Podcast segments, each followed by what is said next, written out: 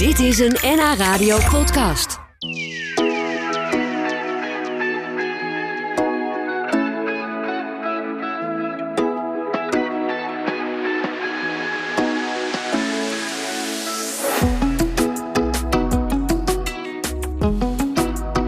Zo praten met Marjan van Marle uit Amsterdam, die een mooi boek schreef over de geschiedenis van de vrouwentijdschriften Libelle en Margriet. Decennia lang leerden huisvrouwen dankzij deze bladen breien, koken, kinderen opvoeden en een goede echtgenoot te zijn. Het, eh, het boek van Marjan heet dan ook Je beste vriendin Libelle en Margriet als venster op de wereld. Wat een mooie titel. En wat leuk dat je er bent. Welkom Marjan. Dank je. Ja, een venster op de wereld. Daar zullen we het zo nog wel uitgebreid over, over hebben. Hoe dat, hoe dat dan was in, in vroeger tijden. Maar hoe was dat bij jullie thuis? Werd daar de Libelle of de Margriet gelezen of allebei? Uh, ik uh, las de uh, Libelle bij mijn oma. Die is er volgens mij haar hele bewuste leven lang op geabonneerd geweest. En mijn moeder was geabonneerd op Margriet. Ah, ja. Dus beide bladen ken ik eigenlijk van kindsbeen af. Ja, en je hebt er ook zelf voor geschreven, hè? voor allebei. Ik heb voor allebei heel lang geschreven. Eerst voor Margriet, toen lang voor Libelle en op een zeker moment weer voor Margriet, maar dan als freelancer. Ja, ja, maar waren dat niet twee totaal verschillende bloedgroepen, om het maar zo te zeggen? Stel ik me zo voor. Enerzijds wel, anderzijds niet, want ze behandelen natuurlijk wel dezelfde thema's. Hè? Ja. Kinderen opvoeden, koken, mode. Ja, de toon- recepten. Recepten, Ja. heel belangrijk. Heel veel recepten. Ja. Ja. leuk. Nou ja, goed. Je hebt het eh, bij allebei heb je, eh, geschreven. En nu heb je over allebei die bladen een, eh, een mooi boek gemaakt. Met onder andere, dat vind ik heel erg leuk, foto's van, van covers van lang geleden. Het is een beetje een nostalgisch boek bijna. Ja, dat is het ook wel. Ja. Ja, hè? Ja. Dat is echt leuk om, om te lezen. We gaan het er zo uitgebreid over hebben. Dan praat ik verder met Marjan van Marle over het boek Je beste vriendin, Libelle en Margriet als venster op de wereld.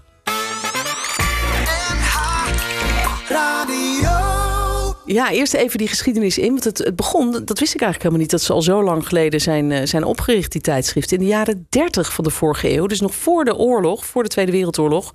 Eh Libelle in 1934 en Margriet een paar jaar later.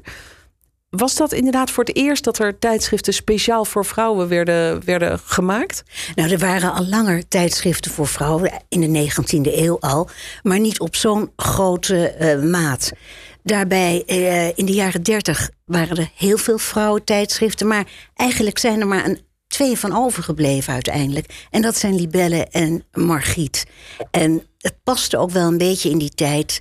Eh, er kwam meer belangstelling voor de vrouw. Emancipatiebewegingen ontstonden. En ik wil niet zeggen dat die bladen nou eh, feministisch waren, maar ze werden wel eh, voor vrouwen, speciaal voor vrouwen geschreven. En voor een belangrijk deel ook door vrouwen. Oh, dat is ook wel bijzonder Dat inderdaad. is bijzonder, want Ja. de wereld werd toen nog wel grotendeels gedomineerd door mannen. Dus in dat opzicht is het wel bijzonder. Ja, en je, en je mocht toch ook op een gegeven moment als je ging trouwen, dan mocht je niet meer werken, toch? Dus Dat was in de jaren 50, eh gold het voor ambtenaren, vrouwelijke ambtenaren. En in de jaren, ik geloof 56, eh, was de vrouw, eh, werd de vrouw pas eh, handelingsbekwaam. Daarvoor ja, eh, eh, was haar man de baas. ja, ja. Dus die tijdschriften werden in de jaren dertig al gemaakt. eh, voor vrouwen, maar ook door vrouwen. In de oorlog zijn ze gestopt, hè, tijdelijk. Nou- of is de libelle eigenlijk doorgegaan? Nee, ze zijn allebei gestopt in 1944. daarvoor hadden ze speciaal toestemming van de Duitsers gekregen. Maar er moest natuurlijk wel iets voor gedaan worden. Dus in het blad kwamen alleen nog maar eh, mode uit eh, Wenen en Berlijn. Franse mode mocht niet meer. Eh bijdragen van Joodse medewerkers mochten ook natuurlijk, uiteraard niet. En wat een belangrijke taak voor die bladen was, was om recepten te maken op basis van de rantsoenen Oh, ja. kreeg. Ja. En ja, tips, zuinigheidstips, hè? Hoe je eh, nog Ja. eh, de, Met één aardappel toch nog een, voedzame soep voor de hele Zoiets, zo'n functie hadden ze eigenlijk. Zo'n rol. En er werd ook niet echt na de oorlog. In 46 zijn ze weer eh, van start gegaan. Maar over de oorlogsjaren werd niet al te diep nagedacht hoor. Dat was, het was een beroerde tijd, dat weten we allemaal. Maar we gaan nu weer met opgeheven hoofden verder. Ja, we moeten verder leven. En, en, en dus waren waren Margriet en Libelle allebei enorm populair in de jaren 50 en 60 voor, uh, voor vrouwen, huisvrouwen. Ja. Dat was toen natuurlijk nog de, de normale bestemming eigenlijk voor iedere vrouw. Je, je geloof dat- trouwen en je werd huisvrouw. Ja, ik geloof dat 98% van de vrouwen tussen de 16 en, en 66 jaar huisvrouw was. En Ja. eh, het was ook, bedoel, je, tegenwoordig gebruik je het woord huisvrouw ook eh, niet meer zo. Nee, nee, nou, en ik denk dat, dat misschien eh, vrouwen die huisvrouw genoemd worden, dan zullen zeggen: ja, maar ik ben veel meer dan dat of zo. Hè? Dat, Ja, de term huisvrouw is misschien een beetje een soort. Nou ja, Een wordt een beetje ja het, is het huis. bestaat eigenlijk niet meer. Nee. De huisman bestaat nog wel. De huisman bestaat nog wel, maar dat heeft toch ook een beetje een vreemde connotatie. Niet altijd zo heel erg plezierig. Nee, nee, dat klopt ja. Dus nou, de, de term huisvrouw bestaat niet meer, maar huisvrouwen zijn er natuurlijk nog steeds. Want er zijn natuurlijk nog steeds ook eh, veel vrouwen, ook Ja. mannen trouwens, maar hè, die, die thuis blijven om, om voor de kinderen te zorgen en, eh, en noem maar op. Maar in die tijd was dat echt de norm en kregen dus eh, die vrouwen ook via Margriet en Libelle tips. Hè, hoe ze dat dan moesten doen. Tips voor hoe ze de kinderen moesten opvoeden, maar ook hoe ze een goede echtgenote moesten zijn en een goede huisvrouw. Wie waren de lezeressen in die tijd? Wat waren dat voor vrouwen? Ik denk toch gewoon de gemiddelde vrouw. Eh, eigenlijk dwars door alle bevolkingslagen heen. eh, werd de libelle gelezen. En ook de Margriet. eh, van hoog tot laag. En ook eh, niet door religie bepaald. Hè. Eh, oorspronkelijk, eh, of de bladen zijn neutraal, maar ze hadden oorspronkelijk wel een kat- katholieke redacties. Oh ja. Ja, Ja, maar, maar ze werden ook gelezen door, door mensen ja ze waren, hadden niet een hervormde achtergrond. Of... Ja, ook Ja. dat. Ja, Ja. Alleen de taal moest wel een beetje aangepast worden. In die zin dat woorden als bij toeval mocht in de jaren, eh, begin jaren 50 niet eh, gebruikt worden. Want dat zou de hervormde lezer voor het hoofd stoten. Maar verder, Want toeval bestaat niet. toeval bestaat niet. Wat mooi. Ja. Had ik me nooit zo gerealiseerd. Ja, Ja.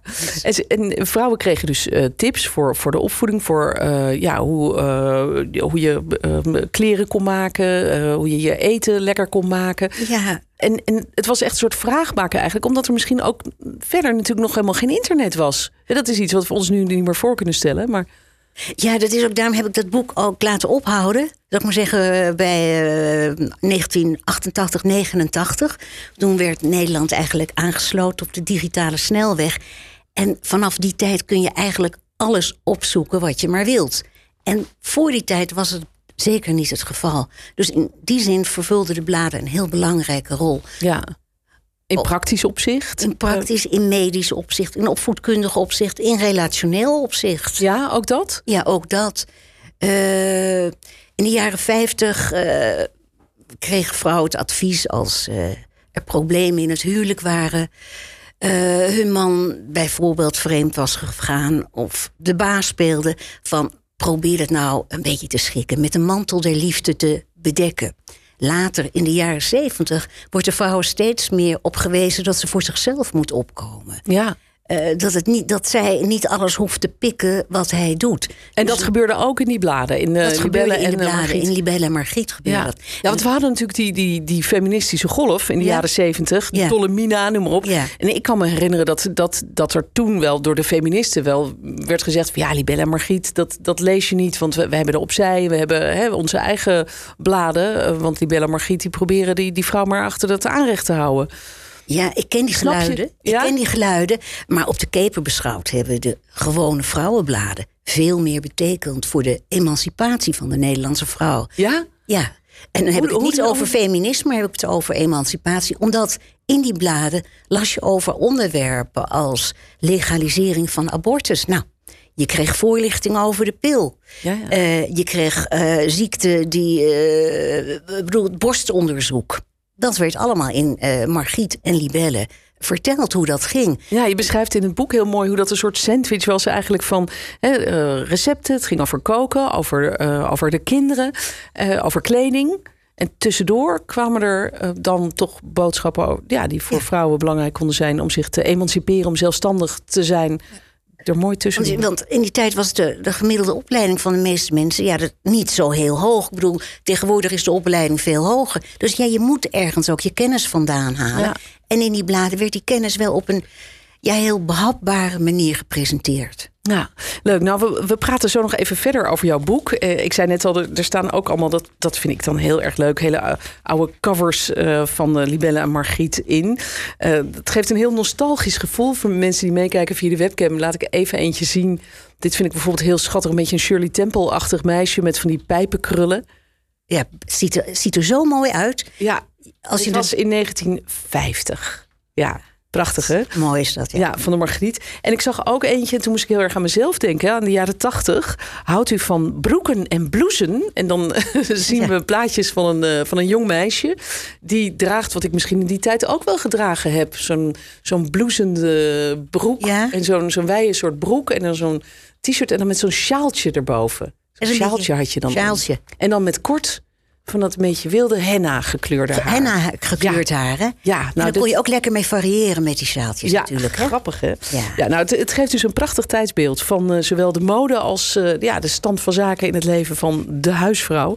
En we praten zo nog even door over jouw mooie boek, Marjan.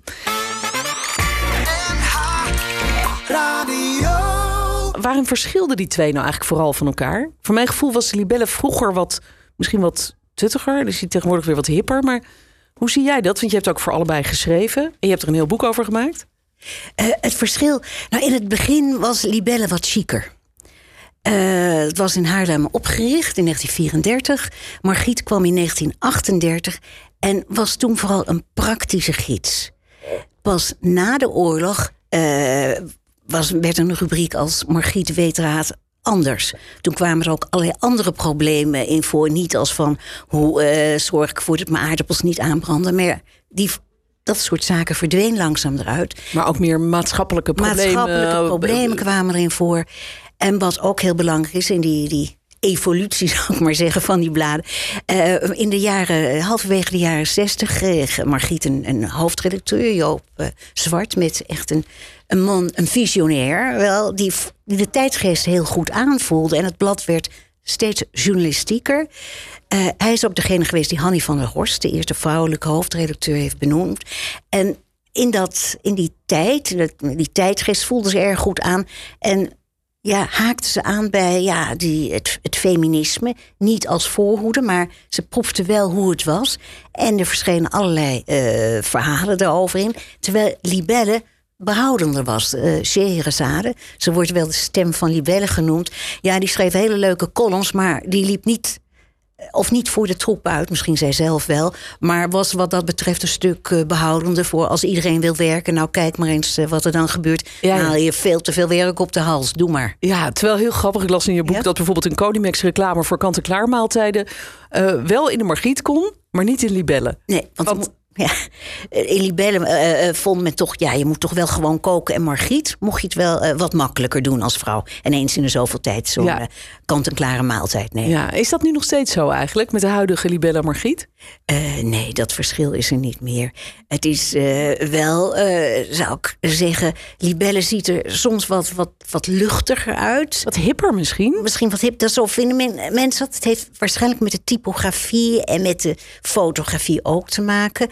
Maar sinds de jaren tachtig heeft eh, Libelle iets, iets luchtigers gekregen. En dat heeft waarschijnlijk ook wel te maken met de hoofdredacteur uh, Rob van Vuren, die uh, eind jaren zeventig hoofdredacteur van Libelle werd. En die niet zozeer dramatische veranderingen teweegbracht, maar wel kleine dingetjes en dat maakt een blad. Hè? Ja, zo is ja. het ook. Ja. ja. Grappig om te lezen in jouw boek. Behalve dat er heel veel leuke foto's in staan van, van oude covers en artikelen ja. ook. Uh, die er verschenen zijn in de loop der jaren. Maar grappig ook om te lezen hoe groot de invloed vroeger vooral was van die damesbladen. Bijvoorbeeld dat uh, huisartsen uh, belden om te vragen of ze eerst geraadpleegd konden worden. voordat er over een bepaald onderwerp iets werd geschreven. Omdat die huisartsen dachten: ja, hallo. Ja, dan kregen ze zoveel telefoontjes ja. van, van, van dus lezeressen. Iemand... Van is het zo en wat moet ik doen en kan ik dat doen enzovoort enzovoort. En uh, ze waren ook heel belangrijk in die zin. Uh, we hadden echt wel deskundigen in de bladen van, van de top. En uh, zo'n professor Hans Galjaard, die zich met, met genetica, met erfelijkheidsleer bezig hield, die vond het veel belangrijker dat een stuk in Libelle kwam of in Margriet, dan in het tijdschrift van geneeskunde. Want met die artikelen in de vrouwenbladen bereikte je ook echt de groep die je wilde bereiken. Ja. En Zodat- dat is natuurlijk al die tijd zo geweest. Ja. Hè? Ook als het gaat over eh, artikelen over emancipatie, over Ja. zelfstandigheid, over. Ja. eh, nou ja, noem maar op. Dat, dat, ja, dat heeft allemaal in die bladen gestaan en heeft heel veel betekend. Denk ik voor een heleboel vrouwen die dat gelezen hebben. Ehm, hoe zie jij de toekomst tot slot? Want ik, ik weet eigenlijk niet hoe gaat het nu met de oplagen van deze bladen. Er zijn natuurlijk zoveel andere tijdschriften bijgekomen. Ja, ze bestaan nog steeds. Er zijn toch eigenlijk best nog wel 84ers, hè, zou je kunnen zeggen. Eh, Libelle heeft 230.000 eh, abonnees, Margriet 100.000 minder. Maar ze verschijnen ook online. Eh, dus dat is ook belangrijk. En ze hebben de Margriet Winterver, de Libelle Zomerweken. Ik heb het idee dat ze nog wel gewoon in dit tijdsgericht... ja, best wel groeien, eh, wel, wel bloeien. Ja, dat, dat heel veel mensen het gewoon, vrouwen het leuk vinden, die bladen. Eh, en hoe het in de verre toekomst gaat, dat is natuurlijk heel moeilijk hè, om Ja. dat eh, te kunnen zien. Maar zeker de eerstkomende tien jaar zie ik ze niet eh 1, 2, 3 verdwijnen hoor. Zeker niet. Dus wie weet worden het honderdjarigen. Dat zou mooi 100 zijn. jaren. Ja. Ze blij- ja, zijn misschien niet meer zo'n je beste vriendin, maar het zijn wel hele goede bekenden. Dit was een NH Radio podcast. Voor meer, ga naar nhradio.nl. Radio.